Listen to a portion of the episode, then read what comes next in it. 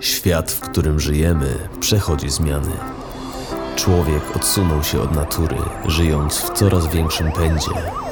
W pogoni za nieuchwytnym, zapominając o skupieniu na tym, co ważne o zdrowiu, witalności, radości z życia. Mam na imię Jim. W tym programie szukam ludzi, którzy przypomną nam o tym, co jest naprawdę ważne. Ludzi, od których możemy nauczyć się zdrowszego i pełniejszego życia, i którzy zainspirują nas do podjęcia niezbędnych ku temu kroków. Zapraszam na ukłon natury. Dzisiejszy program powstaje we współpracy z marką Yango. Z tej strony James, słuchacie podcastu Ukłon Natury, a w dzisiejszym odcinku moim gościem jest pierwsza w Polsce nauczycielka w nurcie non-duality, Patrycja Prufnik, znana szerszej publiczności jako Nitia. Podczas swojej już ponad dziesięcioletniej działalności Patrycja wskazuje na to, że szczęście i spokój są dla nas dostępne zawsze i całkowicie niezależnie od okoliczności, dzieląc się, jak sama mówi, największą tajemnicą ludzkiego życia. Nitia poprowadziła już ponad 50 tygodniowych odosobnień i kilkaset spotkań wykładów i prelekcji na temat przebudzenia, wolności i oświecenia, przyczyniając się tym samym do rosnącej popularyzacji non-duality w Polsce i pomagając tysiącom osób doświadczyć tego, co nazywa naszym stanem naturalnym. Patrycja, witam Cię w Ukłonie Natury. Cześć, cześć, dzień witaj. Bardzo się cieszę, że mamy dzisiaj okazję się spotkać. Y, poznaliśmy się już kilka lat temu i powiem Ci, że od dłuższego czasu miałem ochotę zaprosić Cię do programu, no ale wciąż coś we mnie odwlekało to zaproszenie i jakieś takie zrządzenie losu sprawiło, że na Instagramie wpadłem na profil zupełnie nieznanej mi osoby, która zadziwiła mnie y, swoimi umiejętnościami gimnastycznymi, które pochwaliłem w wiadomości do niej i tak po wymianie, wiesz, kilku uprzejmości poinformowała mnie ona, że jest menedżerką niejakiej Niti i czy nie byłbym zainteresowany przeprowadzeniem wywiadu na temat non-duality. Powiem ci, że prawie spadłem z krzesła, no bo oto coś, co sam od dłuższego czasu odwlekałem, po prostu do mnie przyszło, no i nie było już odwrotu. Aha, no fajnie, fajnie. Więc doczekałaś się menedżerki. Duży krok w karierze. A, rzeczywiście, wiesz, no tak, na początku to było trochę tak, że, że kto mnie zaprosił e, i dokąd mnie zaprosił, to ja tam byłam zazwyczaj i jechałam sobie w ciemno sama. E, I na początku, nie wiem czy pamiętasz, to nie było nas aż tak dużo na satsangach, nie pamiętam, też w Sopocie się spotkaliśmy, prawda? No to tam tak. nas było może 30 osób jakoś tak. No a dzisiaj jest już, już jest dużo więcej tych ludzi i, i te spotkania już są e, logistycznie bardziej przemyślane i okazało się, że ja sobie z tym sama nie poradzę. Po prostu e, nie, nie mam takich umiejętności, a po, poza tym trudno jest mi połączyć te dwie funkcje, czyli funkcję prowadzącego te spotkania, funkcje organizacyjne, więc wiesz, w naturalny sposób po prostu poszukałam pomocy i mam takie wsparcie teraz. Zawsze chyba byli też wokół ciebie ludzie, którzy po prostu służyli ci pomocą, prawda? Nawet w takim charakterze, no powiedzmy, wolontaryjnym. Tak, no mam duże szczęście do, do, do ludzi rzeczywiście, że jakoś satsang w ogóle przyciąga ludzi, którzy mają ochotę wspierać się nawzajem. I myślę, że to jest rzeczywiście wzajemna, e, wzajemne wsparcie, bo oni możliwe, że skorzystają trochę z tego przekazu, z satsangu, a ja korzystam z ich wsparcia i po prostu w ten sposób pomagamy sobie nawzajem. Super. No właśnie, ja osobiście znam trochę Twój przekaz, natomiast chciałbym w trakcie tej rozmowy wejść nieco bardziej w buty tej części naszych słuchaczy i do nich zresztą skierować to dzisiejsze nagranie, dla których być może jest to pierwsze zetknięcie z Tobą i z non-duality. Dlatego pozwól, że dzisiaj będę no, w dużej mierze starał się poruszać po koncepcjach i do tego samego chciałbym zaprosić i Ciebie. Wiem, że sama lubisz iść bezpośrednio do sedna sprawy, do realizacji tych nauk, natomiast natomiast zależy mi, żeby w pierwszej kolejności jak najbardziej przybliżyć Twój przekaz słuchaczom na poziomie rozumu, na poziomie intelektu. Tak, użyjemy tego poziomu rozumu, żeby przeniósł nas e, w taki prostszy poziom bycia po prostu. Super, dzięki. E, dobrze, w takim razie może zacznijmy od tego, czym w ogóle jest non-duality. Skąd ten przekaz się wywodzi i no i może jak ty w ogóle na niego trafiłaś? Mhm. Wiesz co, to jest przekaz, który można powiedzieć, że miał miejsce we wszelkich kulturach. We wszelkich kulturach człowiek pytał, zadawał głębsze pytania, skąd tutaj się wziął, o co tutaj chodzi. i e, różne szerokości geograficzne, różne miała na ten temat pomysły, ale gdzieś e, jest tego wspólna esencja. Natomiast sam termin niedualność e, pochodzi z Indii. Jest to przełożenie takiego konceptu advaita. Advaita, czyli nie dwa, to oznacza nie dwa. Niedualność oznacza nie dwa, czyli niedualne. Czyli świat, mówimy o tym, że świat nie jest dualny. Co to znaczy? Oznacza to tyle, że człowiek funkcjonuje i żyje według konceptu, że jest samoistnym, indywidualnym bytem, oddzielonym od całości. Czyli jest on, jeden, świat, dwa. Czyli, że człowiek jest po prostu oddzielony od całości. No i to jakby zgadza nam się w pewnym sensie i wiele nauk próbuje potwierdzić ten koncept. Natomiast niedualność mówi o tym, że to jest nieprawda, że to jest złudzenie, że indywidualny byt, dualność jest złudzeniem umysłu po prostu. Dosłownie jest złudzeniem umysłu, że nasz indywidualny świat, owszem, on ma miejsce, ale on nie jest oderwany od całości i on nie może być oderwany od całości. Nikt ani nic we wszechświecie nie jest oderwany od całości, tylko współistnieje w jednej harmonii, w jednym funkcjonowaniu, w jednym życiu. I można powiedzieć, że to jest jakaś teoria, prawda? Że jest dualność i niedualność na przykład.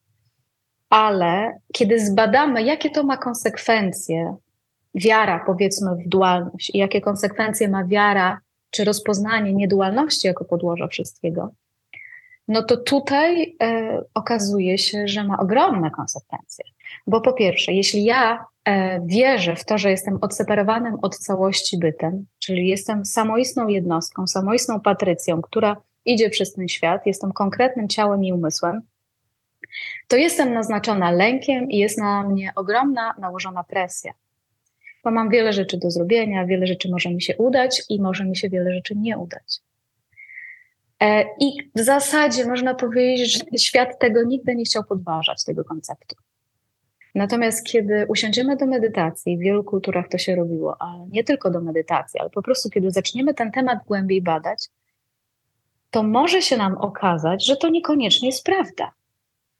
Że my nie jesteśmy wyłącznie samoistnym bytem że nasz, nasz, nasze istnienie, nasz organizm nie jest oddzielony od całości. I co to oznacza? Oznacza to w skrócie tyle, że cała presja, którą dzisiaj kultura i my sami w naszych umysłach kładziemy na to, żeby być jakimś człowiekiem, żeby coś zdobyć, żeby jakoś sobie z tym życiem radzić. Ta ogromna psychologiczna presja, która jest związana z, z poczuciem indywidualności wyłącznie, może się rozpuścić pokazuje się nam jako, jako koncept po prostu i nie musimy koniecznie tego konceptu um, traktować um, tak zupełnie serio. Mniej więcej tak to wygląda. Mm. Natomiast w jaki spytałeś, w jaki sposób, chyba, że chcesz coś tutaj jeszcze dopytać. Tak, y, chciałbym y, pociągnąć nieco ten wątek, zanim jeszcze przejdziemy do twojej historii. Y, mhm. Wiesz co, właśnie teraz, kiedy mówiłaś, zdałem sobie sprawę, że nawet w samym słowie indywidualność już zawarte jest słowo dualność. Dokładnie, indywidualność, tak, czyli wiesz, no to jest, to jest coś... Um, co myślę, że każdy człowiek, kiedy będzie miał chwilę czasu, no to po prostu nawet w tej chwili może sprawdzić, czy ja jestem w stanie samoistnie oddychać. Ja oddycham pożyczonym w tej chwili e, z całego świata powietrzem. Czy, ja, czy moje serce um, bije w taki sposób, że ja nim zarządzam? No nie, jest jakiś, jakiś byt, czy jest po prostu przyroda, biologia, jakkolwiek to nazwać, która oddycha za mnie. Ja nie muszę robić każdego wdechu, wydechu, ani nie muszę robić bicia serca. I to już nam może pokazać, że no nie do końca jesteśmy stuprocentowym sprawcą swojego losu. Mhm.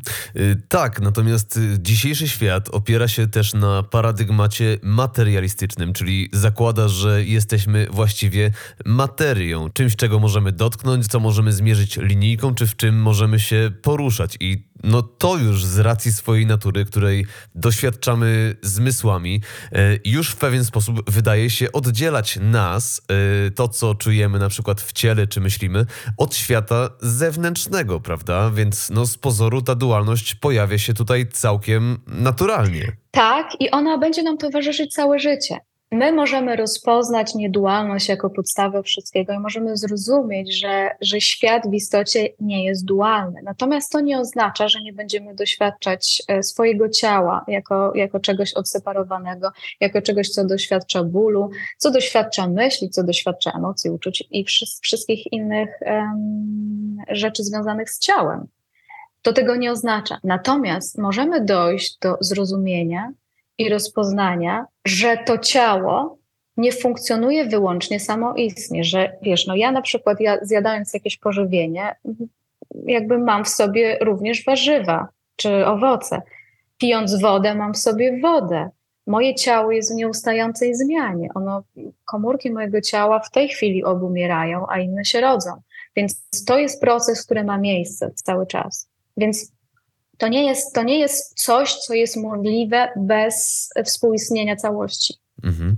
Y, wiesz co, będę miał w tym temacie jeszcze kilka zagadnień, które chciałbym poruszyć. Natomiast mhm. Y, w tym momencie, kiedy daliśmy już naszym słuchaczom pewien zarys tego, o czym mówi przekaz niedualny, myślę, że dobrze byłoby poznać nieco Twoją historię, skupić się na niej mhm. e, oraz na tym, w jaki sposób przekaz ten pojawił się w ogóle w Twoim życiu i Jasne. jak wyglądało Twoje przebudzenie do tej niedualnej świadomości. Wiesz co? Wydarzyło się coś takiego e, w moim życiu. Najpierw spontanicznie miałam kilka wglądów w niedualność, ale może do nich przejdę później. Natomiast najważniejszym wydarzeniem, które, które sprawiło, że zaczęłam się zastanawiać, o co tutaj chodzi, było, było to, że zachorowałam. Zachorowałam poważnie i życie zmusiło mnie do tego, żebym, żebym położyła się w łóżku na kilka miesięcy i nie miałam specjalnie możliwości uciec od tego wyroku życia. I co? Któregoś dnia, którejś nocy tak naprawdę, leżałam w łóżku, obserwując swoje myśli, obserwując swój umysł wiesz, też zupełnie spontanicznie, bo nie miałam wtedy treningu żadnego medytacyjnego. Po prostu nagle patrzę na swoje emocje, na swoje myśli i myślę sobie, kurczę, co to jest za szaleństwo w ogóle. Ja cały czas doświadczam szaleństwa. Doświadczam szaleństwa w postaci nadmiernej emocjonalności i nadmiernych e, monologów wewnętrznych. Mój umysł cały czas interpretował, a dlaczego ja zachorowałam, a czemu tak się stało. Czułam się najbiedniejszą e, dziewczynką na świecie i największą ofiarą świata. I byłam już naprawdę tym zmęczona, bo była jedna noc, druga, sześć miesięcy. Budziłam się przez wiele nocy i za każdym razem widziałam to samo. Natomiast w pewnym momencie zauważyłam, że ja, jakaś część mnie patrzy na moje własne komentarze, że jakaś część mnie słucha widzi to, co się wyrabia w mojej głowie i jednocześnie obserwuje te emocje. I to był taki moment, który dosłownie mną wstrząsnął. To był, to był jak piorun po prostu, jak grom z jasnego nieba po prostu. Nagle doznałam jakiegoś ogromnego zdziwienia.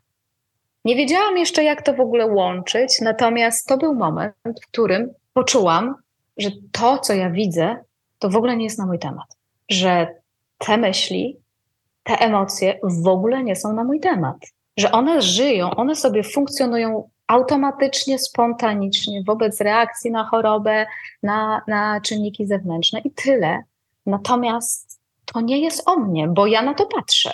Ja nie zadawałam sobie wtedy pytania, ale kto na to patrzy, ale o co tutaj chodzi? Nie. Natomiast y, to był moment, w którym wiara w moje własne myśli, w moje własne koncepty moje emocje, moje uczucia po prostu runęła.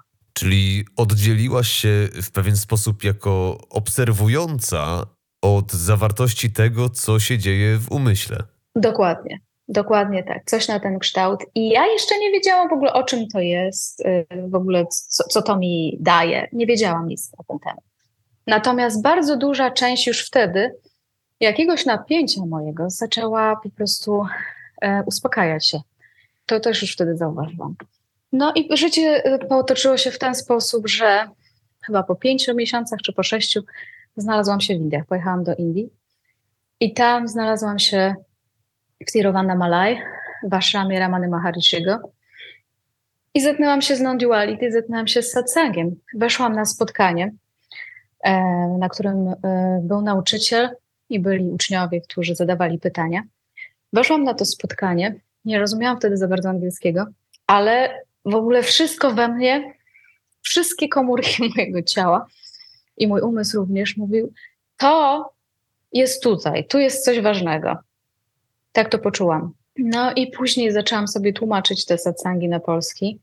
I Ale poczekaj, byłaś tam na satsangu w Indiach Mhm. i co nie rozumiałaś za dużo z tego, co tam jest wypowiadane, tylko po prostu czułaś, nic nie rozumiałam. czułaś, że coś ważnego się tam dla ciebie dzieje. Czułam, że to jest, że to jest coś, co ja muszę poznać i że co muszę zgłębić.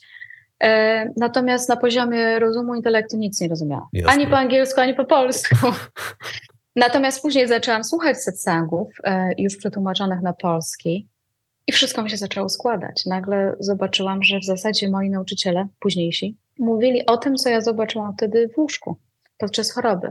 W zasadzie jakby potwierdzili mi tylko to, co zobaczyłam wcześniej. I satsang, czy niedualność jest właśnie o tym, że, że my nie jesteśmy naszymi myślami wyłącznie, że my nie jesteśmy tym indywidualnym, emocjonalnym wyłącznie bytem, ale jesteśmy czymś, czymś trochę głębiej. Mhm. Wspominasz o nauczycielach, y, sama też pełnisz tę rolę dla wielu ludzi, ale i w twojej książce Koniec wszystkich historii czytam, że i u ciebie tych nauczycieli było wielu. Y, Wiesz co, ciekawe jest dla mnie to, że nauczyciele nie muszą czasem nawet za wiele do nas mówić, żeby coś przekazać. I no tak jak czytam w twoim przypadku, już samo zetknięcie się z pewną fotografią doprowadziło do głębokiej przemiany. Mhm. Wiesz co, miałam takie doświadczenie kilka lat wcześniej, no pewnie z 10 lat wcześniej, albo 10 lat wcześniej niż moja choroba, e, że wpadła mi w ręce książka ścieżkami jogów Paula Bruntona. Wtedy ćwiczyłam jogę, interesowałam się trochę jogą. Taką książkę mm, znalazłam w domu mojej nauczycielki od fortepianu. I otworzyłam ją, chcąc ją po prostu przejrzeć. I tam było zdjęcie em, Ramany Maharishego, to jest taki hinduski mędrzec. I to zdjęcie w jakiś sposób sprawiło, że weszłam w ten niedualny stan. Weszłam w to rozpoznanie niedualności, nawet nie wiedząc, że to się stało, ale ono po prostu, to zdjęcie sprawiło, że ja się uspokoiłam niesamowicie i weszłam w jakiś stan takiej błogości niesamowitej. Mhm. A poza tym, jakby to zdjęcie poczułam, że jest najpiękniejszym zdjęciem, jakie w życiu widziałam. Wiesz, no to brzmi teraz może zabawnie, ale naprawdę tak się wydarzyło i ja wtedy nie mogłam się od tego zdjęcia oderwać, nie mogłam się oderwać od tej książki i przeczytałam ją od deski do deski, wchodząc właśnie w to zrozumienie niedualności, ale nawet nie wiedząc jeszcze jak do końca. Super. Y, Wiesz, jeśli chodzi o zdjęcia, to ja mam podobne, może nie tak silne w oddziaływaniu, ale podobne doświadczenia y, ze zdjęciami różnych nauczycieli. Aha. Y, Znam to zdjęcie Ramana Maharishiego, o którym mówisz. Dla mnie takim pierwszym i no, zupełnie wyjątkowym zdjęciem był portret Adyashantiego. To jest nauczyciel amerykańskiego pochodzenia, na którym no, on też patrzy bezpośrednio w aparat i ma jakiś taki wzrok, jakby on znał i obejmował całą moją duszę. Tak. E, I wiesz, pierwszy raz to zdjęcie zobaczyłem, mówię, kim ten człowiek w ogóle jest. Aha. E, Nie miałem pojęcia na temat niedualności, satsangu, przebudzenia i tak dalej, ale po prostu musiałem czegoś więcej się dowiedzieć. Zacząłem go słuchać, zacząłem y, powoli, powoli y, rozumieć pewne rzeczy. Y, Później podobną reakcję wywołały na mnie zdjęcia Mudziego, który też z tego co wiem dosyć mocno odznaczył się i na twojej ścieżce. Mhm. Tego roku, kiedy pojechałam do Indii i przed chwilą powiedziałam o tym, że pojechałam do ashramu Ramany Maharishiego, tam spotkałam właśnie satsang z Mujim. I weszłam na ten satsang na początku, nic nie rozumiejąc, ale rzeczywiście jakoś e, odczuwając, że to chcę poznać, że tego, tego chcę, to chcę zrozumieć. E, I już zaczęłam trochę słuchać po powrocie do Polski e, satsangów. I dosłownie moja percepcja wtedy i skupienie na słuchaniu w ogóle, no była nie, niebywała, niesamowita. Słuchaj, ja się w rok nauczyłam języka angielskiego Poprzez satsang. poprzez satsang. Wiesz, no bo słuchając satsangu już jesteś w stanie uspokojenia, już jesteś w stanie w jakimś trochę niedualnym Mhm. i e, absorpcja w ogóle języka, no według mnie to jest po prostu najlepszy kurs językowy. Ja po prostu się zaczęłam y, y, nawet nieświadomie uczyć y, języka. Do tego stopnia, że rok później tłumaczyłam niedualne satsangi na polski, na żywo. Wow. Co jest, wiesz, czymś, czego ja sama do końca nie rozumiem. No rzeczywiście tak się wydarzyło, bo ja nie mogłam przerwać tego słuchać, bo to był mój chleb, to była moja woda, to było, to było moje życie. To, to było coś takiego, że ja włączałam te satsangi i mimo, że nie, nie do końca wszystko rozumiałam, to po prostu czułam się, jakby ktoś mi wlewał wodę, a ja byłam spragniona przez, przez, przez długi czas i, i po prostu chciałam pić, pić, pić. Nie mogłam przestać tego słuchać. Jasne. Aż w końcu to się zaczęło uspokajać, uspokajać, bo mój organizm się po prostu nasycił i zaczął to też głębiej wewnętrznie rozumieć. No i moja droga z, z Murim była taka, że e, rok później Muji w ogóle przyjechał do Polski. Miał satsang w 2011 roku w Krakowie. I też było ciekawe dla mnie zdarzenie takie, że jak ja dostałam tą informację, że Muji przyjeżdża do Polski, to poczułam taki lęk potworny, a z drugiej strony taką ekscytację niesamowitą. I myśl mi przyszła taka do głowy. On jedzie po ciebie. He's coming for you. W języku angielskim to naprawdę groźnie brzmi. Dokładnie, więc pomyślałam o tym, że on idzie po ciebie, no i rzeczywiście po mnie przyjechał, w sensie takim, że mnie zmiotło.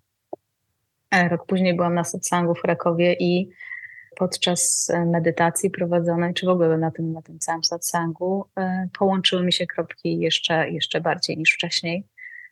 I odkleiłam się zupełnie od tego, od wiary w koncept, że jestem indywidualnym bytem oddzielonym od całości. To już po prostu padło wtedy. Mhm.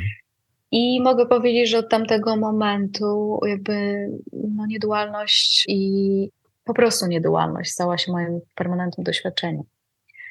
Minęło już od tamtej pory, nie wiem, 13-12 lat. I muszę powiedzieć, że no, nie nastąpił moment żadnych wątpliwości na ten temat. To jest coś, czego tego nigdy bym sobie nie wyobraziła, bo jakby różne miałam zajawki w życiu, różne tematy mnie jarały w jakimś stopniu, i szczerze mówiąc, nawet mój mózg też nie wierzył w to, że coś mi może starczyć na dłużej i że rzeczywiście to będzie satysfakcjonujące i, i pełne. No właśnie, bo nasz umysł wciąż łaknie nowego i nowego i nowego, tak? Nowego celu, nowej tak. nagrody, prawda? Tak, no i owszem, te rzeczy się dzieją, natomiast y, na jakimś poziomie zostałam totalnie zaspokojona totalnie zaspokojona. Czyli cała, jakby cały koncept poszukiwania duchowego, czy poszukiwania czegoś jeszcze, no, z, wymarł zupełnie e, w tym 2011 roku. Aczkolwiek, tak jak powiedziałeś, to, to nie oznacza, że wiesz, że, że umysł się nie ekscytuje. Ja się ekscytuję, jaram wieloma rzeczami, wiesz, i próbuję wszystkiego, co tylko mogę w życiu. Ale to nie ma już, y, nie ma takiego napięcia, jakie miało kiedyś, bo ja wierzyłam, że mi to coś da, że, że to sprawi, że ja będę lepsza, albo sprawi, że ja coś zrozumiem i będę coś mieć, a teraz po prostu używam tych konceptów czy, czy doświadczeń dla zabawy, dla przeżycia, dla doświadczenia, ale jakby to nie warunkuje mojego życia. I to się zmieniło. Y, kilkukrotnie wspomnieliśmy już dzisiaj słowo satsang. Y, czy mogłabyś wytłumaczyć naszym słuchaczom, co ono właściwie znaczy? To słowo satsang z sanskrytu dosłownie oznacza spotkanie z prawdą. Spotykamy się w grupie ludzi, w której kontemplujemy nasz stan naturalny, kontemplujemy niedualność, ale nie w sposób taki teoretyczny, a jak najbardziej praktyczne. Więc to jest taki spontaniczny flow życia, spontaniczny przepływ, spontaniczne przebywanie bez, bez interpretacji głowy, co się właściwie dzieje, jak powinno się dziać albo dokąd zmierzamy. Jest też ukierunkowaniem naszej świadomości na źródło. Jest ukierunkowaniem naszego, um, nasz, naszej uwagi na samą świadomość ale nie świadomość jako umysł, lecz świadomość jako to, skąd umysł się wyłania. Więc te spotkania czasem mają bardzo luźny charakter, taki radosny i spontaniczny, a czasem wymagają większej koncentracji od nas po to, żeby odkryć to, co jest bardzo proste, co jest bardzo blisko nas. Mm, super. I ty takie satsangi y, już od wielu lat prowadzisz. Y, powiedz mi, y, czy tego rodzaju niedualne odkrycie, jak mówisz, tego, co jest tak blisko nas, czy ono odbywa się, no nie wiem, na poziomie właśnie umysłu, świadomości? Czy to mhm. jest nagle taka zmiana paradygmatu na to, że dobrze, już nie jestem osobną jednostką, e, no to nie wiem, czy to w takim razie oznacza, że jestem wszystkim? Wiesz co, to jest to, dokładnie to świetnie nazwałeś, to jest totalna zmiana, zmiana paradygmatu.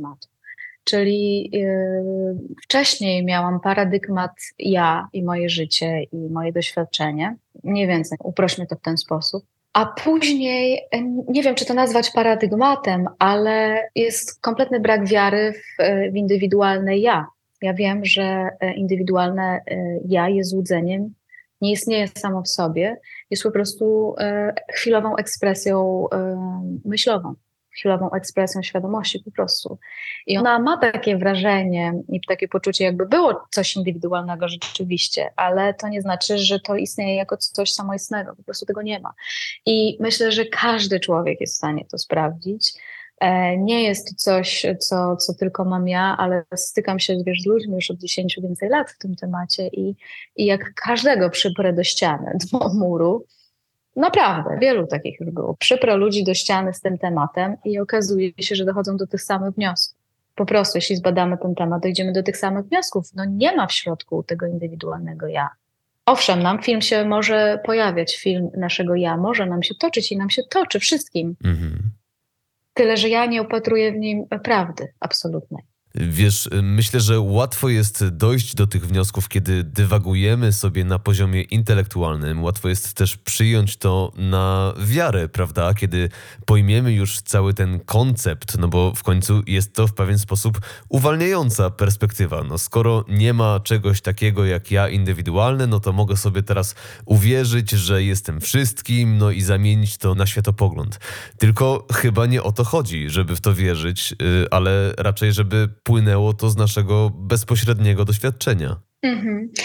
Tak, to jest, to jest kluczowe, bo jakby no nic nam nie przyniesie w tym temacie wiara y, w to, że tak jest albo tak nie jest, albo dywagacja jakakolwiek w tym temacie. Może tak jest. Skoro 90 nauczycieli duchowych powiedziała, że to prawda, to jest to prawda. Na przykład. No, to, jest, to, to, to jest za mało i tutaj naprawdę nie chodzi o to, żeby w coś wierzyć.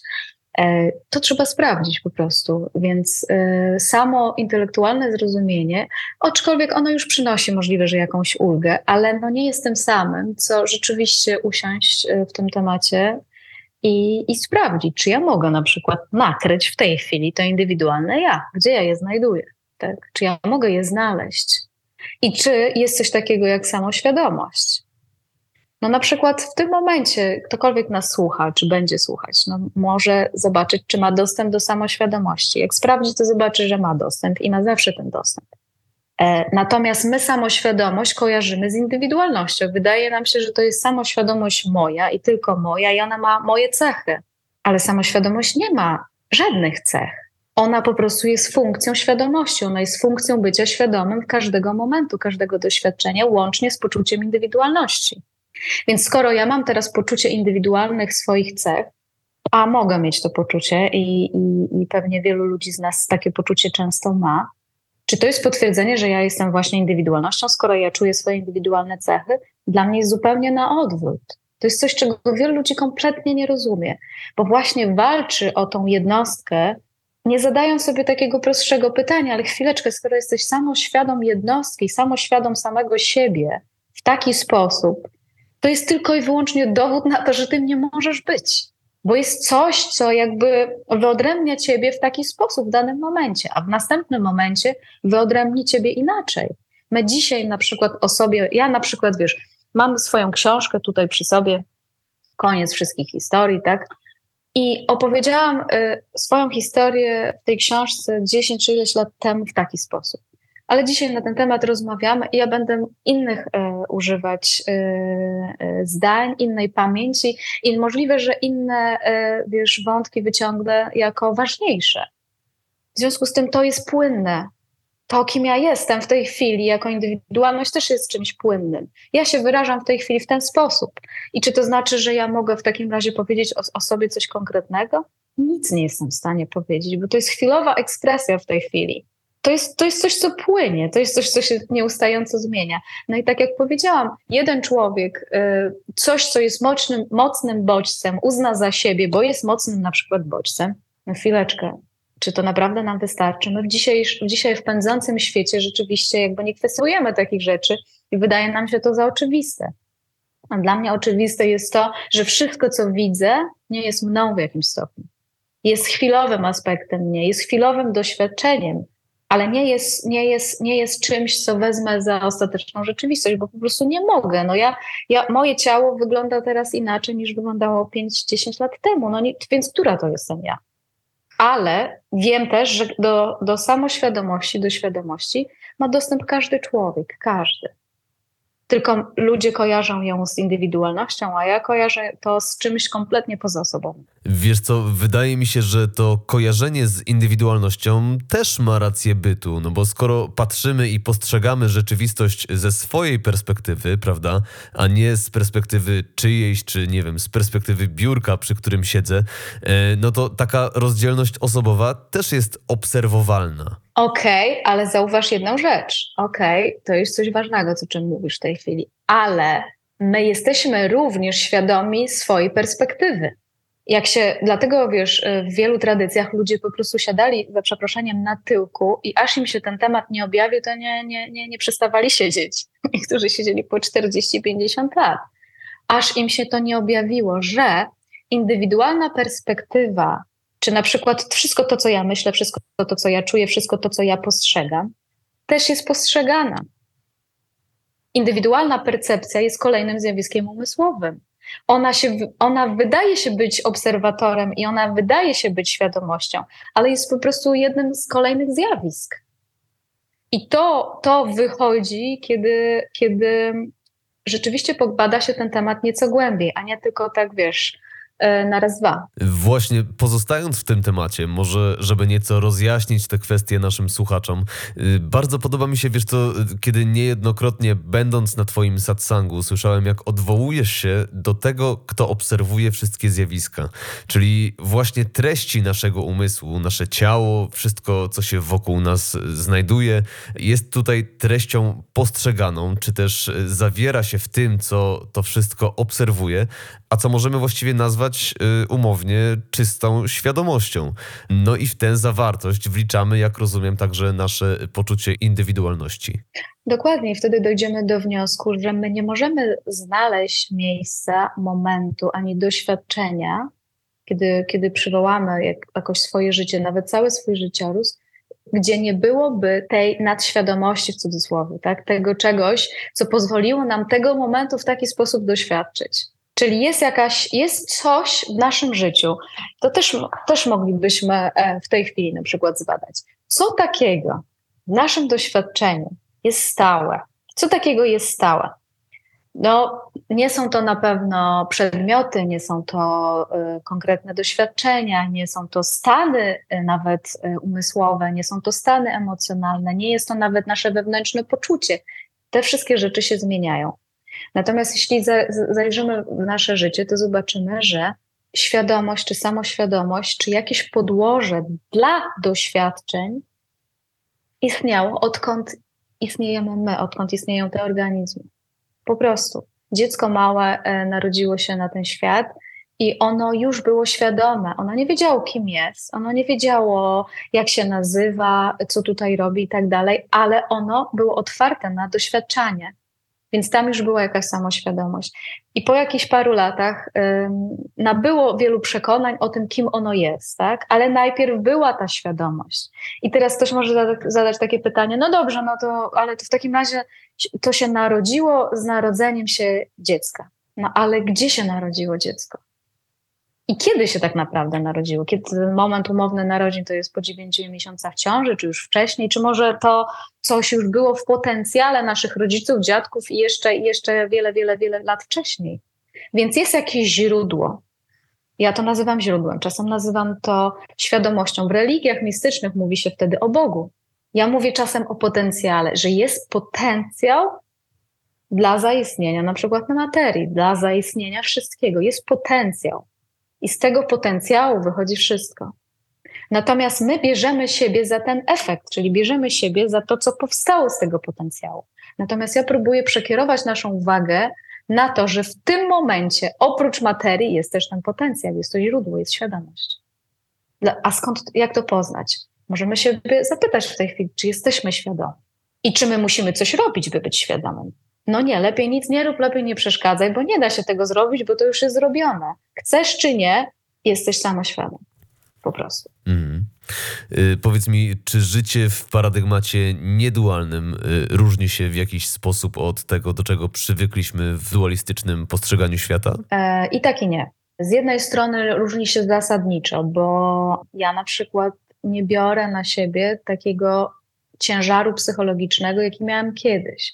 Bo kiedyś wierząc w to, że, że, że jestem Patrycją w tym konkretnym ciele wyłącznie i, i wierząc, że jestem tą materią i tą ekspresją umysłu tak naprawdę, no miałam swoje lęki, miałam swoje projekcje, miałam swoje ciśnienia i tak dalej.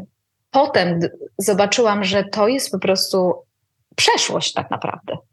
Ja patrzę na przeszłość, ja patrzę na swoje przeszłe reakcje cały czas. Tu nie ma nic świeżego, po prostu nie ma nic. E, to zobaczyłam, że dobrze, to jest po prostu przeszłość, więc ja muszę być czymś innym. Musi być coś tutaj jeszcze. I co więcej, to jeszcze już tu jest. To, to było najbardziej niesamowite, że ja nie muszę szukać tego jeszcze, bo ja z tego jeszcze właśnie patrzę. Bo ja tym jeszcze muszę być. No nie ma innej opcji po prostu. I wtedy poczułam, że w takim razie nie ma się co martwić przeszłością. To było najcudowniejsze w ogóle poczucie w moim życiu. W ogóle się kompletnie nie ma czym martwić. Owszem, mój umysł wiele razy jeszcze wyprodukował różnego rodzaju, wiesz, yy, śmieszne i zabawne, czy, czy poważne historie, ale ja już nigdy nie byłam w stanie wziąć ich tak serio jak kiedyś. Mm -hmm. No, nie jestem w stanie potraktować totalnie poważnie samej siebie. A jak, nie wiem, zrobię jakąś głupotę na przykład i wszyscy pomyślą, Jezus Maria, Nicia, Patrycja, jak możesz. Wielka nauczycielka. na przykład. No ja nie, ja nie jestem, nie jestem w stanie nawet się tym zmartwić tak bardzo, a kiedyś bym się bardzo tym martwiła, bo bym pomyślała, że to jest o mnie, do mnie. Mhm. A dzisiaj wiem, że to nie jest o mnie, do mnie, to już jest efekt, to już jakby my też rodząc się nawet w tym ciele, i z tym, e, z, z tym uwarunkowaniem, no my też już doświadczamy przeszłości, w jakimś sensie przeszłości e, naszych rodziców, tak jak powiedziałam, dziadków, Polski, krajów, w których, w których bywaliśmy. Więc no nie biorę tego tak zupełnie, zupełnie serio. Doświadczam tego, cieszę się tym, bawię się tym, eksploruję to, ale nie biorę na siebie tego ciśnienia, takie, takiego, jakie, jakie miałam wcześniej. Więc to jest ta różnica, myślę. Mhm. Y, właśnie przyszło mi tak do głowy, że no my w tej naszej codzienności zazwyczaj żyjemy właściwie z perspektywy umysłu, tak? Czyli tego wszystkiego, co zebraliśmy właśnie y, na swój temat. Na przykład etykiet różnych, tak? Że ty jesteś Patrycja, ja jestem Jim, ty jesteś nauczycielką non-duality, e, ja jestem podcasterem. E, no ale tak jak mówisz, to jest jakaś przeszłość i można powiedzieć mm, zbiór tego, czego się nauczyliśmy, tak, na swój temat. Natomiast to nie jest prawda, to jest no jakiś opis, bo prawda jest tylko i wyłącznie teraz. A skoro już mowa o przeszłości, no to to, co powiedziałaś przed chwilą, bardzo rezonuje z pewnym doświadczeniem, które miałem kilka lat temu, yy, kiedy późno w nocy nie mogłem spać i słuchałem sobie, zdaje się, że wspomnianego wcześniej Adia Shantiego, który wypowiedział takie zdanie, że ale spójrz, przecież tam, gdzie myślisz, że jest osoba, tam nikogo nie ma.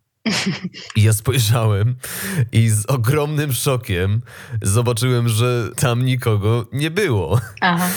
E, I pamiętam, że przez kilka kolejnych tygodni utrzymywała mi się taka właśnie świadomość tego, że mm, no jakby całe pomieszczenie, nawet w którym znajduje się moje ciało, e, czy też i ludzie, których spotykałem, no to to wszystko jest jakby we mnie. E, kompletnie zatarła mi się jakakolwiek granica pomiędzy mną a czymś zewnętrznym i no jest to taka percepcja, w której Mm, jak piszesz w swojej książce, nadal możesz pracować, nadal wykonujesz swoje obowiązki, ale coś się nieodwracalnie zmienia i cokolwiek nie spotkałoby mnie dalej w życiu, jakieś różne dramaty i tragedie i tak dalej, y, no to cały czas mam do tego niezmienny dostęp. Tak. No fantastycznie, no dokładnie tak to jest, dokładnie tak to jest. No to poczucie bycia konkretnym, indywidualnym ciałem nam się po prostu przydarza i momentami ma silniejszy, silniejszy efekt w naszym ciele, a momentami to się zupełnie rozpuszcza. Natomiast kiedy będziemy to sprawdzać, no zawsze dostaniemy taką odpowiedź. No w każdym momencie, kiedy sprawdzisz, no to dostaniesz zawsze taką samą odpowiedź. Nasz umysł może powiedzieć, kurde, no nie zrobię dzisiaj tego badania, bo nie chcę. Po prostu mi nie jest na rękę, chcę jeszcze pocierpieć. Chcę się nad sobą poużalać albo chcę wierzyć, że jestem najzajebistsza na świecie. Więc umysł y, jakby będzie robił takie, um, takie blokady czasem, no bo taką ma też funkcję. Um, no ale kiedy rzeczywiście sprawdzimy, no to zobaczysz, tak jak powiedziałeś, no, no tam nikogo nie ma po prostu. Tutaj nikogo nie ma. Co nie oznacza, że nie ma nic, jest jakaś oboże, jakaś wielka pustka, nie wiadomo co. Nie chodzi o nihilizm, prawda? Dokładnie. Tylko o dostrzeżenie prawdy, prawdy, nie wiem, o tym, kim jesteśmy, prawdy o naszej prawdziwej naturze. W miejsce tego, w co do tej pory tylko wierzyliśmy na swój temat. Dostrzeżenie prawdy po prostu, ale jednocześnie z tym przychodzi niesamowita ulga. No przychodzi z tym niesamowita ulga, bo to wcale nie oznacza, że nie ma żywotności to wcale nie ma, nie oznacza, że w ogóle nagle wiesz, no wyczepiasz się z życia, jesteś martwy i w ogóle nic ci się nie chce. No w moim wypadku było kompletnie odwrotnie. No miałam takie fazy takiej wielkiej, wielkich błogostanów przez, przez kilka lat, ale po, po jakimś czasie no, we mnie wstąpiła taka żywotność i taka energia, jakiej ja nigdy wcześniej nie miałam w sobie. Ja, ja starzeję się ciałem, a mój duch po prostu jest w takim pędzie taką prędkością, że ja sama nie nadążam. Więc raczej to jest tak, że się, jak się ma dostęp do źródła, do potencjału, taki y, mniej blokowany umysłem i uwarunkowaniami, no to to nie jest martwe, to żyje, to się chce wyrażać, to, to w moim wypadku okazuje się, że chce się dzielić, y, czy mówić o tym. No ja mogę o tym gadać non stop. Robisz to już od ładnych paru lat. No tak, tak, tak, już trochę. I cały czas o tym samym. No właśnie. Ludzie mnie czasem pytają, nic ja, Boże, jak ty dajesz radę? Nie wiem, jakoś daję radę to mi, zasysa mnie to i e, karmi mnie to w jakimś sensie i, e, i daje mi poczucie, że to ma sens, kiedy widzę, że, że pojawiają się ludzie, którzy to czują, a jest ich ostatnio naprawdę coraz więcej. Oni to czują, rozpoznają, tak samo się cieszą, taki sam mają później luz, tak samo zaczynają e, doświadczać życia pełniej, głębiej, fajniej po prostu. Mhm. Wiesz, tak jak właśnie sobie powiedzieliśmy, odkrywając niejako, że pod każdym doświadczeniem znajduje się świadomość mhm. i odkrywając, że to nią jesteśmy, mhm. mamy wciąż do niej dostęp, a no przynajmniej w moim przypadku na pierwszy plan często jednak wychodzi ten umysł wraz ze wszystkimi swoimi dramatami, potrzebą terapii, czy też potrzebą poukładania w jakiś sposób swojej przeszłości. Mhm. E, powiedz mi, czy możliwe jest takie takie ugruntowanie się w tej niedualnej perspektywie, żeby to już mnie nie zabierało? Wiesz co, to jest za dużo powiedzenie, wydaje mi się. Nikt nie może tak powiedzieć, nawet najbardziej chyba oświecony, oświecona postać nie, nie może tak powiedzieć. To jest, my, my nie wiemy, co się wydarzy za chwilę, a skoro jesteśmy, myśmy się już wydarzyli, nasze uwarunkowanie, ja nawet już też jestem w jakimś sensie przeszłością, to jest przeszłość po prostu. E, I ja też nie mam dostępu do tych wszystkich konsekwencji, więc nie wiemy wszystkiego, co się zaraz wydarzy. Po prostu nie wiemy tego, więc dobrze jest mieć taką pokorę w sobie i pokorę, która jest oparta na prawdzie. No, że tak zupełnie szczerze, to ja nie wiem, czy jutro będę się czuła świetnie, czy, czy będzie e, to wszystko się zgadzać, czy nie. Mogę powiedzieć o tym, że, że rzeczywiście jakby w tym temacie nie miałam zwątpienia przez tam ileś, ileś już lat i że to jest w jakimś sensie ugruntowane, ale tak jak powiedziałeś, no mnóstwo różnych doświadczeń w międzyczasie miałam bardzo trudne i procesuję i mój organizm przechodzi, wiesz, różne rzeczy. E, I e, no jest na szczęście całe, e, wiesz, są całe wachlarze różnych narzędzi, którymi można sobie pomagać, wspierać, no bo to, to non-duality to nie jest taka tabletka na wszystko, która będzie, wiesz, która, która sprawi, że już nigdy nie musisz pójść na terapię na przykład. Wiesz, wiele ludzi, którzy do mnie przyjeżdża, ma taką nadzieję i na przykład uciekają na przykład latami od terapii, mają nadzieję, no dobra, to unity jeszcze się jeszcze się może trochę przejadę. I w końcu no, ja... będę szczęśliwy. Tak, a ja ich wtedy odsyłam na terapię. Są obrażeni. W ogóle stwierdzają, że już nie będą przyjeżdżać. to super. No. Jak I... mogłaś. Jak mogłaś.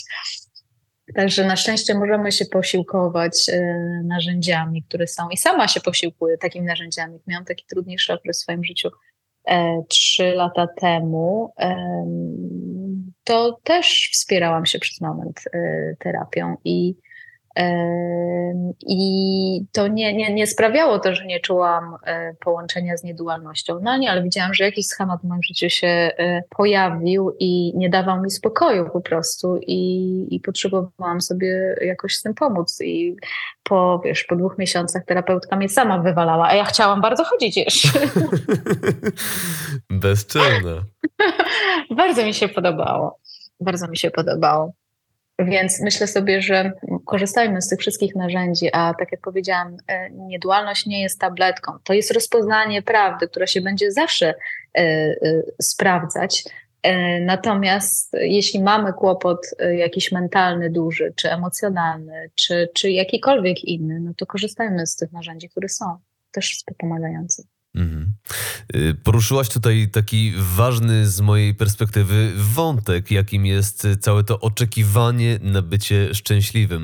Y, mhm. Wiesz co, mam takie wrażenie, że to jest taki częsty slogan sprzedający oświecenie i wydaje mi się, że nawet samo słowo oświecenie zostało przez takie naleciałości, zmiksowanie kultur wschodu z zachodem, cały ten New Age y, mhm. po prostu wypaczone. Czy mogłabyś odświeżyć mi to słowo tak, żeby no z powrotem nabrało miało ono sensu? Mhm. No rzeczywiście dzisiaj y, słowo przebudzenie czy oświecenie y, jest używane y, różnie. Ja go używam w taki sposób, że, że jest to po prostu rozpoznanie naszej prawdziwej natury, która nie jest odseparowaną od całości jednostką. Po prostu. Tylko tyle, jaż tyle.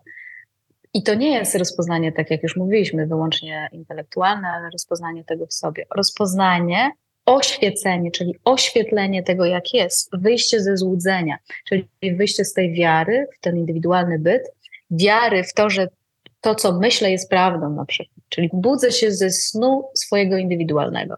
Dzisiaj, tak jak powiedziałeś, ludzie rozumieją to w sposób materialny. Szczerze, dzisiaj e, muszę powiedzieć, że słowo oświecenie e, na, nabrało e, w ogóle aspektu materialnego, przebudzenie tak samo, więc ja nagle po prostu czuję się świetnie, znaczy, że jestem oświecona. Znaczy, że ci, którzy są. Mm, ci, którzy czują się gorzej, smutni, na pewno nie są. Na pewno nie są, tak. A to jest kompletne pomieszanie z poplątaniem, bo, bo to nie jest coś, co my tutaj zyskujemy że mamy zyskać szczęście, na przykład, że mamy zyskać coś. To jest właśnie materializm, to jest duchowy materializm, tak? Czyli ja ma, ma, mam zyskać to szczęście, więc tutaj e, jakby monetą jest szczęście czy tutaj zyskiem jest to szczęście, a, a naprawdę nie, nie, nie, nie o to chodzi. Owszem, no fajnie jest, jeśli jesteśmy szczęśliwi i namawiam ludzi do tego, żeby jakby pomnażali sobie dobrostan raczej niż, e, niż umartwiali się w cierpieniu. No, ale to zupełnie nie ma nic wspólnego z oświeceniem ani przebudzeniem. My się budzimy do tego, jak jest, wychodzimy za tą parę przeciwieństw i rozpoznajemy źródło, a nie tylko u, jakby uciekając z jednego e, sposobu życia e, w następny. Mhm. Y, w Twojej książce kilkukrotnie natknąłem się na takie stwierdzenie jak utożsamianie się z formą, czy też określenie czegoś jako forma. Y, mogłabyś rozwinąć, co to znaczy? Tak, to jest ważne, żeby to zrozumieć. Utożsamienie z formą, tutaj mam na myśli um, wiara w to, że jesteśmy ciałem, utożsamienie z umysłem, wiara w to, że jesteśmy myślami, wiara w to, że jesteśmy umysłem, utożsamienie z emocjami, wiara w to, że jesteśmy emocjami, że one nas opisują. Czyli nasza kultura dzisiaj, niemalże wszędzie, swoją tożsamość umiejscowiła w jednostce. umieściła w konkretnym organizmie. I my, kiedy mamy tam umieszczoną tożsamość, czyli wierzymy, że tym jesteśmy, no to ma też to swoje konsekwencje. I dobrze jest zrobić sobie taki prysznic albo po prostu tak samego siebie trochę odkurzyć i popatrzeć, z czym się utożsamiam najbardziej, z czym się sobie najbardziej kojarzę. No, u mężczyzn często to jest właśnie głowa, u kobiet często to są emocje. No teraz mówię dużym skrótem, ale, ale my na przykład utożsamiamy się z czymś, co się wydaje nam jakoś ważne albo nas opisuje. A ja mówię o takim wychodzeniu z tych utożsamień. Bo jakkolwiek one nie wydają nam się mądre, ważne, wspaniałe, cudowne, to namawiam do zobaczenia, że to są po prostu doświadczenia. To są po prostu doświadczenia. I żyjąc życie, my nie musimy mieć konkretnego utożsamienia się. Ja nie muszę się utożsamiać ze świadomością w taki sam sposób też, no bo nie muszę wmawiać sobie, że ja jestem świadomością. Jeśli ja wiem, że jestem świadomością, to nie muszę sobie tego mówić. Więc to jest po prostu odpadanie konceptów zidentyfikowania się, czyli określenia siebie w jakimś miejscu. Bo my określamy siebie w obiektach, określamy siebie w stanach, określamy siebie w doświadczeniach. Natomiast czym jest to coś, co spaja te określenia? To myślę, że już słuchacze nasi wiedzą, że to jest coś, co jest w nas, co jest nami, niezależnie od tego, co na ten temat pomyślimy. Mhm.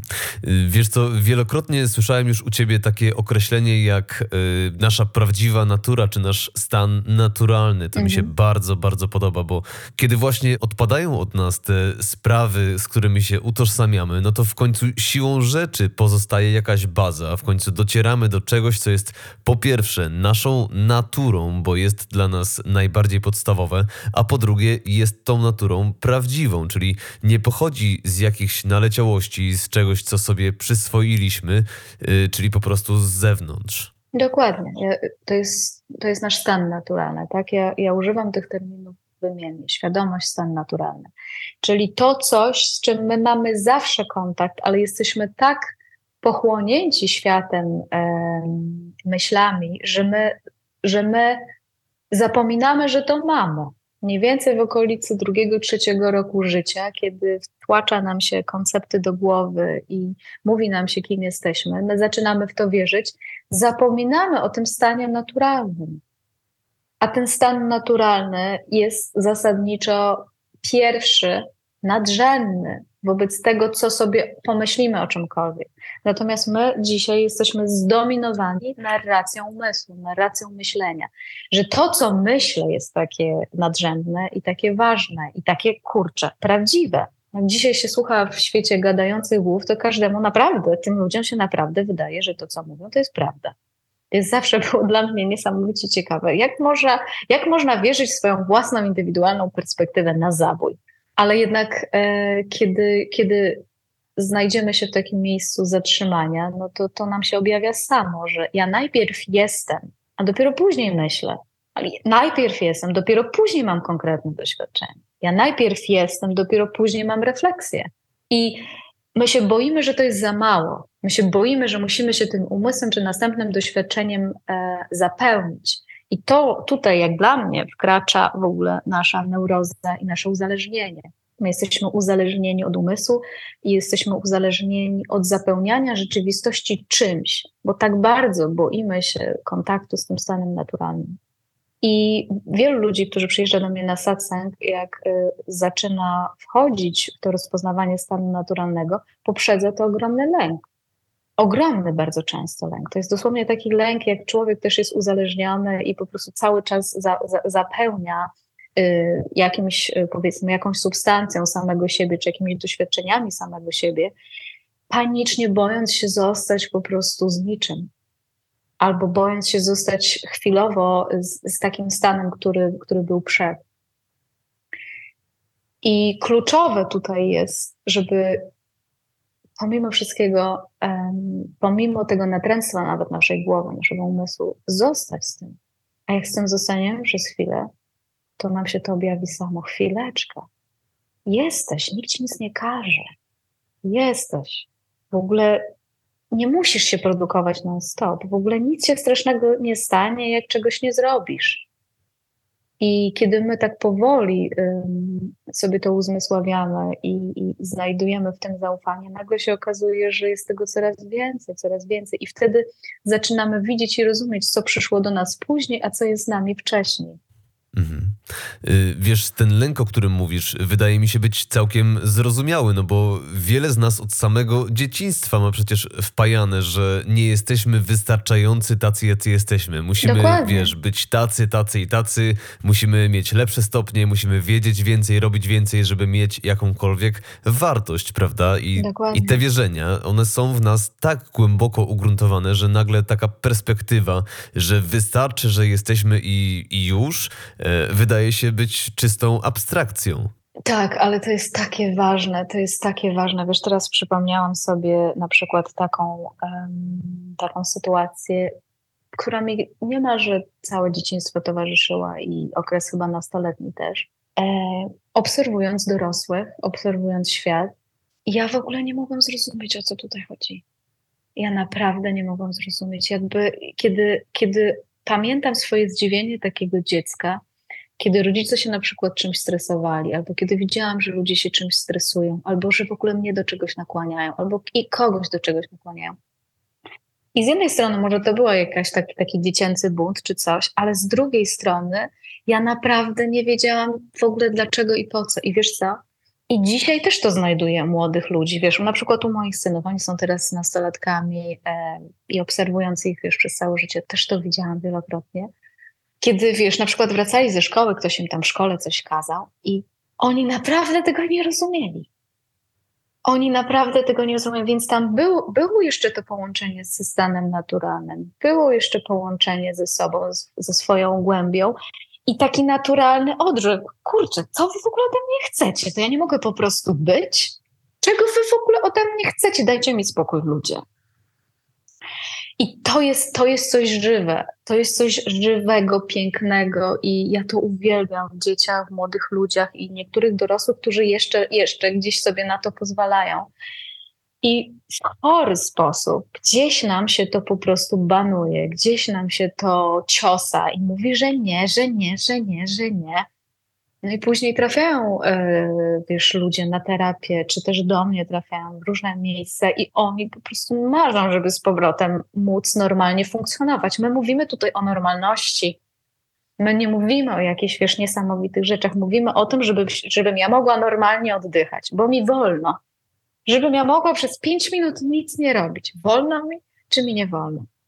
Wielu ludzi ma tak w głowach e, poukładane, że im się wydaje, że nie wolno im pięć minut odpocząć. Więc ja mówię, że satsang jest po prostu powrotem do naszego stanu naturalnego, ale to nie jest jakiś oderwany stan naturalny. To jest, to jest y, zdrowe, normalne funkcjonowanie, zdrowe, normalne życie. I no przerażające jest to, co myśmy sobie zrobili, że, że wiesz, coś, co jest zdrowe i normalne, jest jakimś kurcze w ogóle stanem, do którego musimy dążyć. Jest stanem wręcz ekstrawaganckim. Jest, no tak, i w ogóle niektórym się udało. Kurczę, ja się tak z tego śmieję. No mamy Enicję w Polsce, jej się udało. Co jej się udało? Pamiętam, jak przyszła do mnie jakiś czas temu taka świadomość, i to już też parę lat minęło od tego czasu, mhm. że wiesz, tyle tego poszukiwania, tyle lat na ścieżce duchowej i tak szukałem i szukałem i pamiętam, że napisałem ci tuż po tym wiadomość. Mhm. Myłem sobie w spokoju naczynia i nagle okazało się, że nie muszę już dalej szukać, bo już tu jestem. E, no niesamowite, wiesz. E, tak. Ale rzeczywiście stawia się przebudzenie, czy też oświecenie na jakimś takim piedestale. Tak, to też jest ważne. Mhm. E, dlatego właśnie tak bardzo podoba mi się to określenie, którego ty używasz, e, czyli stan naturalny. Czyli my wracamy tak naprawdę do samych siebie. Tak, i wiesz, ja na przykład spotykam się z ogromnym hejtem ludzi, którzy mocno siedzą w głowach y, i są przywiązani do terminu oświecenie, czy w różnych tradycjach, czy bez tradycji. E, no oni są wściekli, że ja tak o tym mówię. No naprawdę są na mnie wkurzeni. No jak możesz? No jak mogę. Że wiesz, że chcą mieć nadzieję może, albo takie poczucie, że, że jednak e, to jest coś wielkiego, to jest coś do zdobycia i, i to czyni pewnych ludzi specjalnymi. Ja zupełnie tego tak nie widzę. to nie chodzi o specjalność, to chodzi o naturalność, tak? Chodzi o coś, co mamy wrodzonego wszyscy i nie jest to związane ze zdobyczą. Jeśli ktoś traktuje oświecenie jako zdobycz dla niego samego, no to też jest to duchowy materializm, bo kto zdobył i co właśnie? Więc ja jestem taka świetna, kurde, no udało mi się, nie? udało mi się. I, I co takiego zdobyłam? No co, kto, co zdobył człowiek oświecony, czego ty nie masz? Więc wiele systemów, które chroniły oświecenie w jakimś stopniu, albo, albo mimo wszystko nadawały jemu jakieś specjalne znaczenie, wkurza się na to i się broni przed tym, że jak tak można, y, jak tak można wprost o tym mówić. Ja nie wiem, nie znam ludzi, którzy tak mówią wprost o tym, jak ja między oczy, i nawet niektórzy nauczycieli duchowi, których znam, wkurzają się, jak ja tak mówię. Wkurzają się, że, że to jest za, za, za bardzo, że jednak trzeba dać ludziom jakąś ochronę i tak dalej no, mi się to nie potwierdza. Mi się to nie potwierdza, stykając się z ludźmi, że nie, nie, nie potrzeba żadnej ochrony, jakiegoś, y, jakiejś kwarantanny też. Po prostu albo się to zobaczy i wtedy się zobaczy, jak jest, e, albo nie. Mhm. Y, mam wrażenie, że z tym przychodzi raczej ulga niż zagrożenie, chociaż pewnie jakiś rodzaj przygotowania no, też jest przydatny i, i stąd też ta nasza dzisiejsza rozmowa, która mam nadzieję pomoże wprowadzić w temat przebudzenia osoby, które wcześniej się z nim nie spotkały lub właśnie osoby, które spoglądały na to jako na coś nieosiągalnego. Mhm. Y, a swoją drogą Wiesz co, właśnie takie przygotowanie intelektualne daje chyba też przestrzeń y, bezpieczeństwa, w którym no, jesteśmy w stanie puścić te nasze bariery ochronne nakładane nam przez umysł. Y, mam wrażenie, że nasza świadomość chyba no, nie jest też do końca w stanie przyswajać y, czegoś nowego, takiej wiesz, nowej perspektywy, jeśli najpierw się nie rozluźnimy, no bo stan ciągłego stresu, który dla naszego organizmu jest walką o przetrwanie, po prostu odłącza odłącza nas od siebie jeszcze bardziej. No i wydaje mi się, że warto przygotować takie, wiesz, naczynie naszego umysłu, zanim napełnimy je czymś nowym. Wiesz co, y, myślę, że tak, tylko też nie robiłabym z tego religii, w sensie takim, że wiesz, że, że można wylać dziecko z kąpielą, można po prostu się tak okopać w tych treningach i, i, i wiesz, i tak być przywiązanym do tego, że to nastąpi w przyszłości, po iluś tam latach na przykład, wiesz, treningów.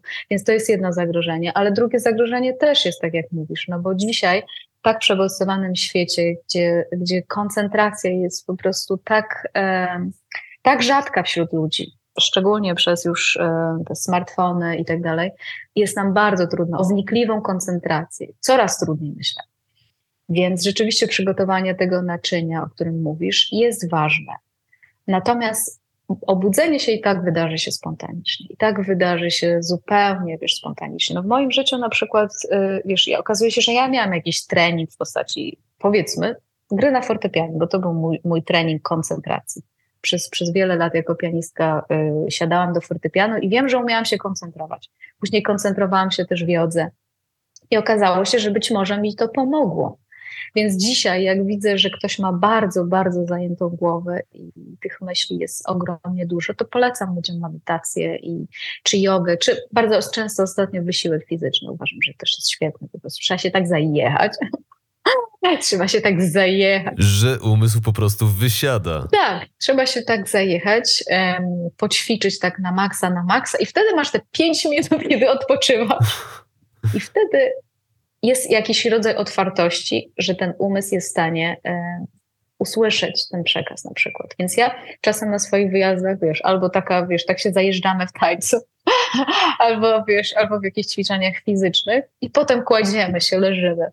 I jak takie podaję takie krople homeopatyczne setsengu i wtedy ludzie przychodzą do mnie i mówią, wow, wow, czy wcześniej tego nie mówiłaś, Patrycja? Nie, mówiłam to cały czas, ale wreszcie się uspokoiłeś. Super.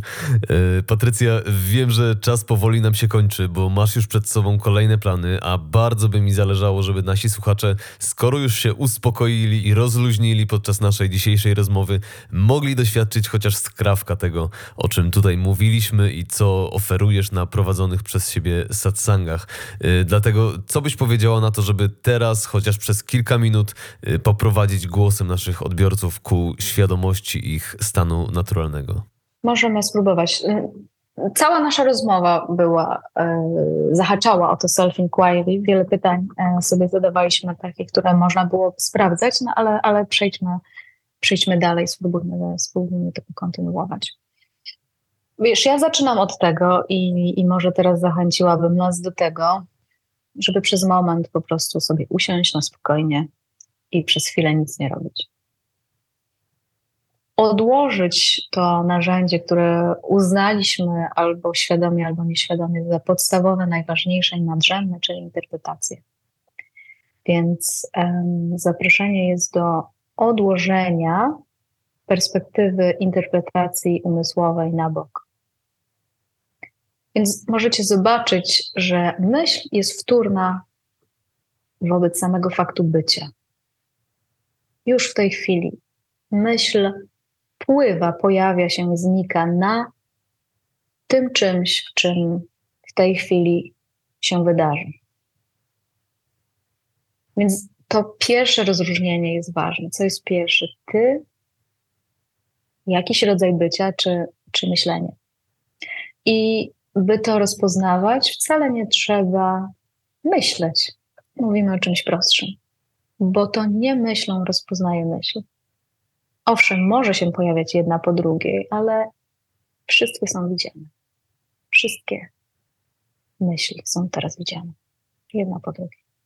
Więc ja zachęcam do tego, by całą uwagę teraz, całą świadomość, całe, całą koncentrację przenieść na samą świadomość, na samo bycie, a nie na to, czego jesteśmy świadomi więc nie interesują nas w tej chwili konkretne doświadczenia, ale sam fakt, że mamy dostęp do miejsca, skąd doświadczenia się dzieją.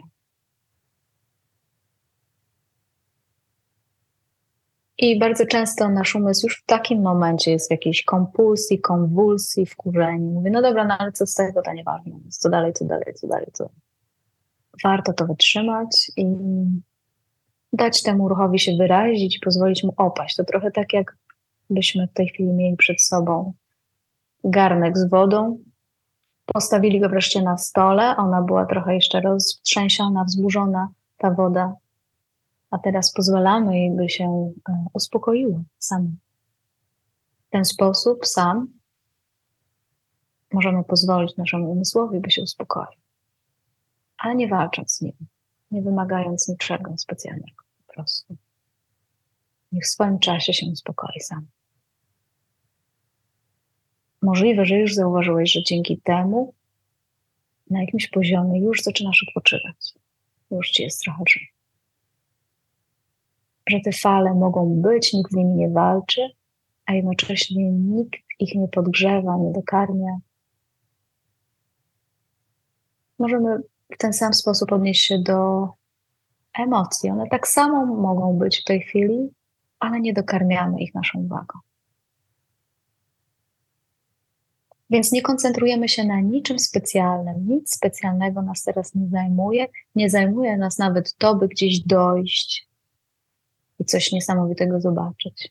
Po prostu jesteśmy. I wszystko wolno w tym miejscu. Jest miejsce, gdzie wszystko wolno, wolno myśleć, wolno doświadczać. I nie ma uciekania przed czymkolwiek. I ja mam poczucie, że to jest nasz stan naturalny. To jest coś, co jest pod spodem zawsze, pomimo naszej gonitwy myślenia i emocji. Mamy do tego dostęp zawsze. Więc to jest trochę tak, jak woda jest na na powierzchni wzburzona, ale głębi jest spokojna. Więc my dostęp do tego stanu naturalnego, do stanu głębi mamy cały czas. Natomiast kiedy wierzymy, że poruszanie się po powierzchni pozwoli nam odpocząć, wydaje mi się, że warto to sprawdzić, czy to jest możliwe w ogóle. Wtedy jesteśmy zajęci gonieniem za kolejną myślą, za kolejnym doświadczeniem ona nigdy nie przynosi spokoju. To jest tak jak scrollowanie ekranu w telefonie. Następny reels, następny e, stories, następne, następne, następne, następne. Myślę, że dzisiaj ludzie już są w stanie zobaczyć, w jakim stanie się znajdują, kiedy tak scrollują telefon przez kilka godzin. To samo robimy z naszymi myślami. I teraz mamy dostać się po prostu do tego, co jest nam naturalne, czyli nie zajmować się tylko tym, co jest na powierzchni. Czasem na początku towarzyszy temu niepokój, a potem zaczynamy doznawać ulgi. Zaczynamy doznawać spokoju. Spokoju, który jest cały czas pod spodem. Spokoju, do którego mamy dostęp zawsze. Więc to mniej więcej jest kierunek e, tych medytacji. Ja prowadzę je później jeszcze bardziej precyzyjnie, naprowadzam na różne aspekty zjawisk świadomościowych, zjawisk umysłowych, pokazując, co jest przemijające, a co jest nieprzemijające. Przemijające są właśnie stany, są zjawiska, są, są te shortsy, które nam się pojawiają na ekranie, czy reelsy. Dzisiaj ciekawe, że tego używam. A tym, co nie przemija, jest sam fakt, że patrzysz. Tylko czy jesteśmy zajęci tym, co będzie następne? Czy jesteśmy w tej kompulsji i konwulsji szukania, co jest następnego, co mi da większą dopaminę, następne, następne doświadczenie, więcej, więcej, lepiej, mocniej? I czy to mi rzeczywiście daje odpocząć? Czy na chwilę odpuszczam to sobie. Możliwe, że to jeszcze przez jakiś czas trwa, ale dostaje się do stanu naturalnego. Dlaczego my uciekamy nawet do natury? Dlaczego? Bo ona nam przynosi ukojenie, ona nas łączy z tym, co jest podstawowe. Także to jest ten kierunek, a wiesz, tych medytacji, w których ja bardzo precyzyjnie naprowadzam um, i stawiam ludzi pod ścianą w pewnym sensie do sprawdzenia tego, kim jesteśmy, to jest, jest mnóstwo, wiesz, na moich kanałach i, i tam można ich posłuchać. Także zapraszam też do tego. Super. Ja też zachęcam do odwiedzenia Twoich kanałów społecznościowych i YouTube'a. Y, tam rzeczywiście jest no, masa treści, w których można znaleźć wiele odpowiedzi na temat non-duality, satsangu, czy po prostu y, świadomości nas samych. Natomiast poza internetem wiem, że regularnie spotykasz się także z ludźmi. Prowadzisz odosobnienia, prowadzisz satsangi w wielu miastach w Polsce. Y, powiedz mi, wchodzimy właśnie w drugi kwartał 2023 roku. Gdzie Cię znajdziemy i co będzie się działo w świecie W 2023 roku? Wiesz co, nadal będę robiła to, co do tej pory, czyli będę spotykać się z ludźmi na odosobnieniach tygodniowych, e, gdzie, gdzie pogłębiamy ten temat, przebywamy w tym stanie naturalnym na różne sposoby. Mm, dążymy do rozpoznania naszej natury. To są odosobnienia najczęściej w ciszy, którym towarzyszą różne aktywności, też taniec, różne sposoby wyrażania się, teatr, muzyka itd. Ale bazą jest medytacja i bazą jest satsang. E, ale też wyjeżdżam e, na takie spotkania dwudniowe, trzydniowe w różnych miastach Polski, czy, czy też na świecie. I wtedy to są spotkania, powiedzmy, kilkugodzinne, na których również mówię o niedualności, prowadzę medytację i, i, i rozmawiamy z grupą ludzi. Będę też jeździć trochę za granicę, natomiast od, y, od kwietnia, praktycznie chyba w każdym miesiącu do września będzie takie tygodniowe odosobnienie. Przeplatam je czasem właśnie tymi spotkaniami w miastach. Super. Y, rozumiem, że wszystkie daty są dostępne na Twojej stronie internetowej? Tak, na stronie internetowej teraz kończymy nową stronę nitia.pl, ale jeszcze teraz jest na starej nitiameditation.org. Tam można znaleźć informacje o nadchodzących odosobnieniach. Najbliższe w Krakowie, później właśnie będę w Gdańsku. Także niedaleko Super, ciebie. Blisko mnie. Blisko ciebie. Będę za granicą na Węgrzech i w Estonii, w Anglii, a w Polsce w czerwcu w Dojo, w Kawkowie, w lipcu, w Antoniowie, w sierpniu a na Mazurach y, we wrześniu. Super. Y, serdecznie wszystkich zachęcam do takich spotkań, bo naprawdę można dużo głębiej wejść w siebie, kiedy obcuje się z tym przekazem na żywo, kiedy jest się w tej grupie ludzi, którzy są zwróceni w tym samym kierunku, czyli do wewnątrz, y, i kiedy też można zadać ci bezpośrednie pytanie na temat tego, w czym akurat sami jesteśmy, a ty, no że tak powiem, bierzesz nas trochę za rączkę i potrafisz z tego ciemnego lasu wyprowadzić. Tak, wiesz, rzeczywiście odosobnienia czy spotkania na żywo mają, e, mają tą przewagę, że trudniej jest nam uciec te, w te nawykowe myślenie. I, i rzeczywiście jak ktoś już przyjedzie na taki tygodniowy wyjazd, no to, no to ma czarno na białym, co jest czym i, i później trudno mu wrócić do tych starych nawyków. Oczywiście to jest możliwe, ale, ale, ale rzeczywiście te długie odosobnienia robią największą robotę. Fantastycznie. Y, Patrycja, mógłbym o niedualności i o satsangu rozmawiać z Tobą przez wiele godzin. Niestety dzisiaj czas nam się już powoli kończy, dlatego pozwól, że zadam Ci jeszcze ostatnie pytanie, które kieruję do wszystkich moich gości. Mhm. Ukłon natury to przede wszystkim wiedza na temat zdrowszego i pełniejszego życia, dlatego chciałbym, abyś biorąc pod uwagę całą swoją perspektywę, perspektywę i doświadczenie przekazała naszym słuchaczom trzy praktyczne wskazówki, dzięki którym ty sama żyjesz lepiej, zdrowiej i pełniej. Mhm. Okej, okay. o tych najważniejszych już mówiłam, ale jest pewnie teraz trochę takich e, czynności, które mi pomagają na co dzień, zdrowych czynności. E, pierwsza to jest higiena snu. Ostatnia dla mnie najważniejsza, higiena snu, czyli e, ja dbam świadomie o to, żeby się wyspać, żeby mieć zdrowy sen, czyli e, kładę się spać pomiędzy 20 a 22, bardzo wcześnie, już o 9 śpię. Bardzo wcześnie. Tak, i dzięki temu śpię 8 godzin. Natomiast miałam taki czas w pewnym momencie w swoim życiu, że ten sen się bardzo zaburzył, właśnie dlatego, że przegapiłam tą biologiczną godzinę, kiedy mój organizm potrzebował rzeczywiście pójść spać, czyli około 8-9. Mhm. I wtedy spałam krótko, źle się czułam, mm, mój umysł pracował gęściej i, i mniej fajnie, więc to jest jedna rzecz, to jest sen. Uważam, że to jest bardzo ważne dzisiaj. Na sobie to, na sobie to czuję. Co ja takiego jeszcze zdrowego robię? A, ostatnio, ostatnio piję sok z selera z rana. Sok z selera. Tak, y, to jest coś, co przywiozłam z Indii. E, już wcześniej o tym tutaj słyszałam też i od czasu do czasu robiłam sobie takie detoksy selerowe, ale w Indiach mi powiedzieli panowie lekarze z Ayurvedy, że mam tak pić codziennie no nie wiem, czy mi się uda. Codziennie to ja mogę pić kawę, ale na razie, ale na razie, na razie mi się udaje, więc zaczynam dzień od soku z selera. Super. A trzecia rzecz, co by było takiego ważnego, no to myślę, że e, też higiena związana z social mediami i z komputerem i z internetem. To jest, wydaje mi się, obecnie chyba najtrudniejszy aspekt naszej rzeczywistości w ogóle. I możliwe, że, że będzie on jeszcze bardziej e, się e, rozwijał, więc myślę, że to jest, to, jest, to jest kluczowe, to jest ważne, żeby ograniczać sobie e, dostęp do, do internetu po prostu, żeby mieć przerwę. E, i też to zaczęłam stosować. Wow, no powiem Ci, że jestem naprawdę bardzo pozytywnie zaskoczony tymi trzema wskazówkami od Ciebie, no bo spodziewałem się raczej czegoś oscylującego wokół, nie wiem, wyciszenia czy bycia blisko siebie, e, ewentualnie jakiejś medytacji.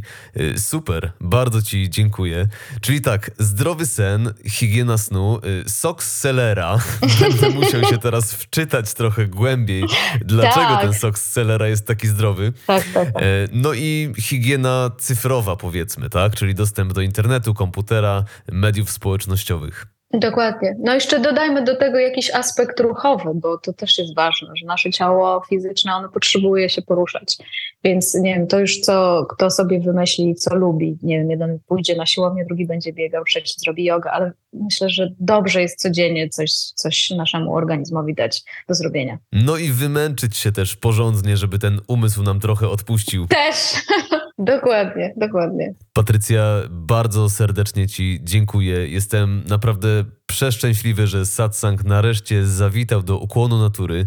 Y, liczę, że może za jakiś czas powtórzymy to spotkanie, żeby może nieco pogłębić to, o czym tutaj mówiliśmy. No a na pewno spotkamy się niedługo na Twoim satsangu na żywo w Gdańsku. Także dziękuję Ci za dzisiaj, dziękuję Ci za to wszystko, co robisz. Y, widzę, jak bardzo jest to cenne, to o czym mówisz, o czym przypominasz, na co zwracasz uwagę. Y, to wszystko są aspekty naszego życia, które no, w naszym świecie bardzo łatwo jest pominąć i Twoja działalność, y, Twoja praca jest ważna. Wiem, że nie tylko dla mnie, ale i dla wielu, wielu osób, które pośrednio dzięki Tobie odzyskały też siebie. Dziękuję, bardzo się cieszę, bardzo Ci dziękuję też, Jim. Dziękuję. I widzimy się w połowie kwietnia w Gdańsku. Super. A na dzisiaj ode mnie to już wszystko. Ja mam na imię Jim. Moim gościem była dziś Patrycja Pruchnik, czyli Nitia. Słuchaliście programu Ukłon Natury, a po więcej informacji zapraszam na stronę internetową www.yango.pl. Dzięki Patrycja. Trzymaj się. Pa, pa, pa.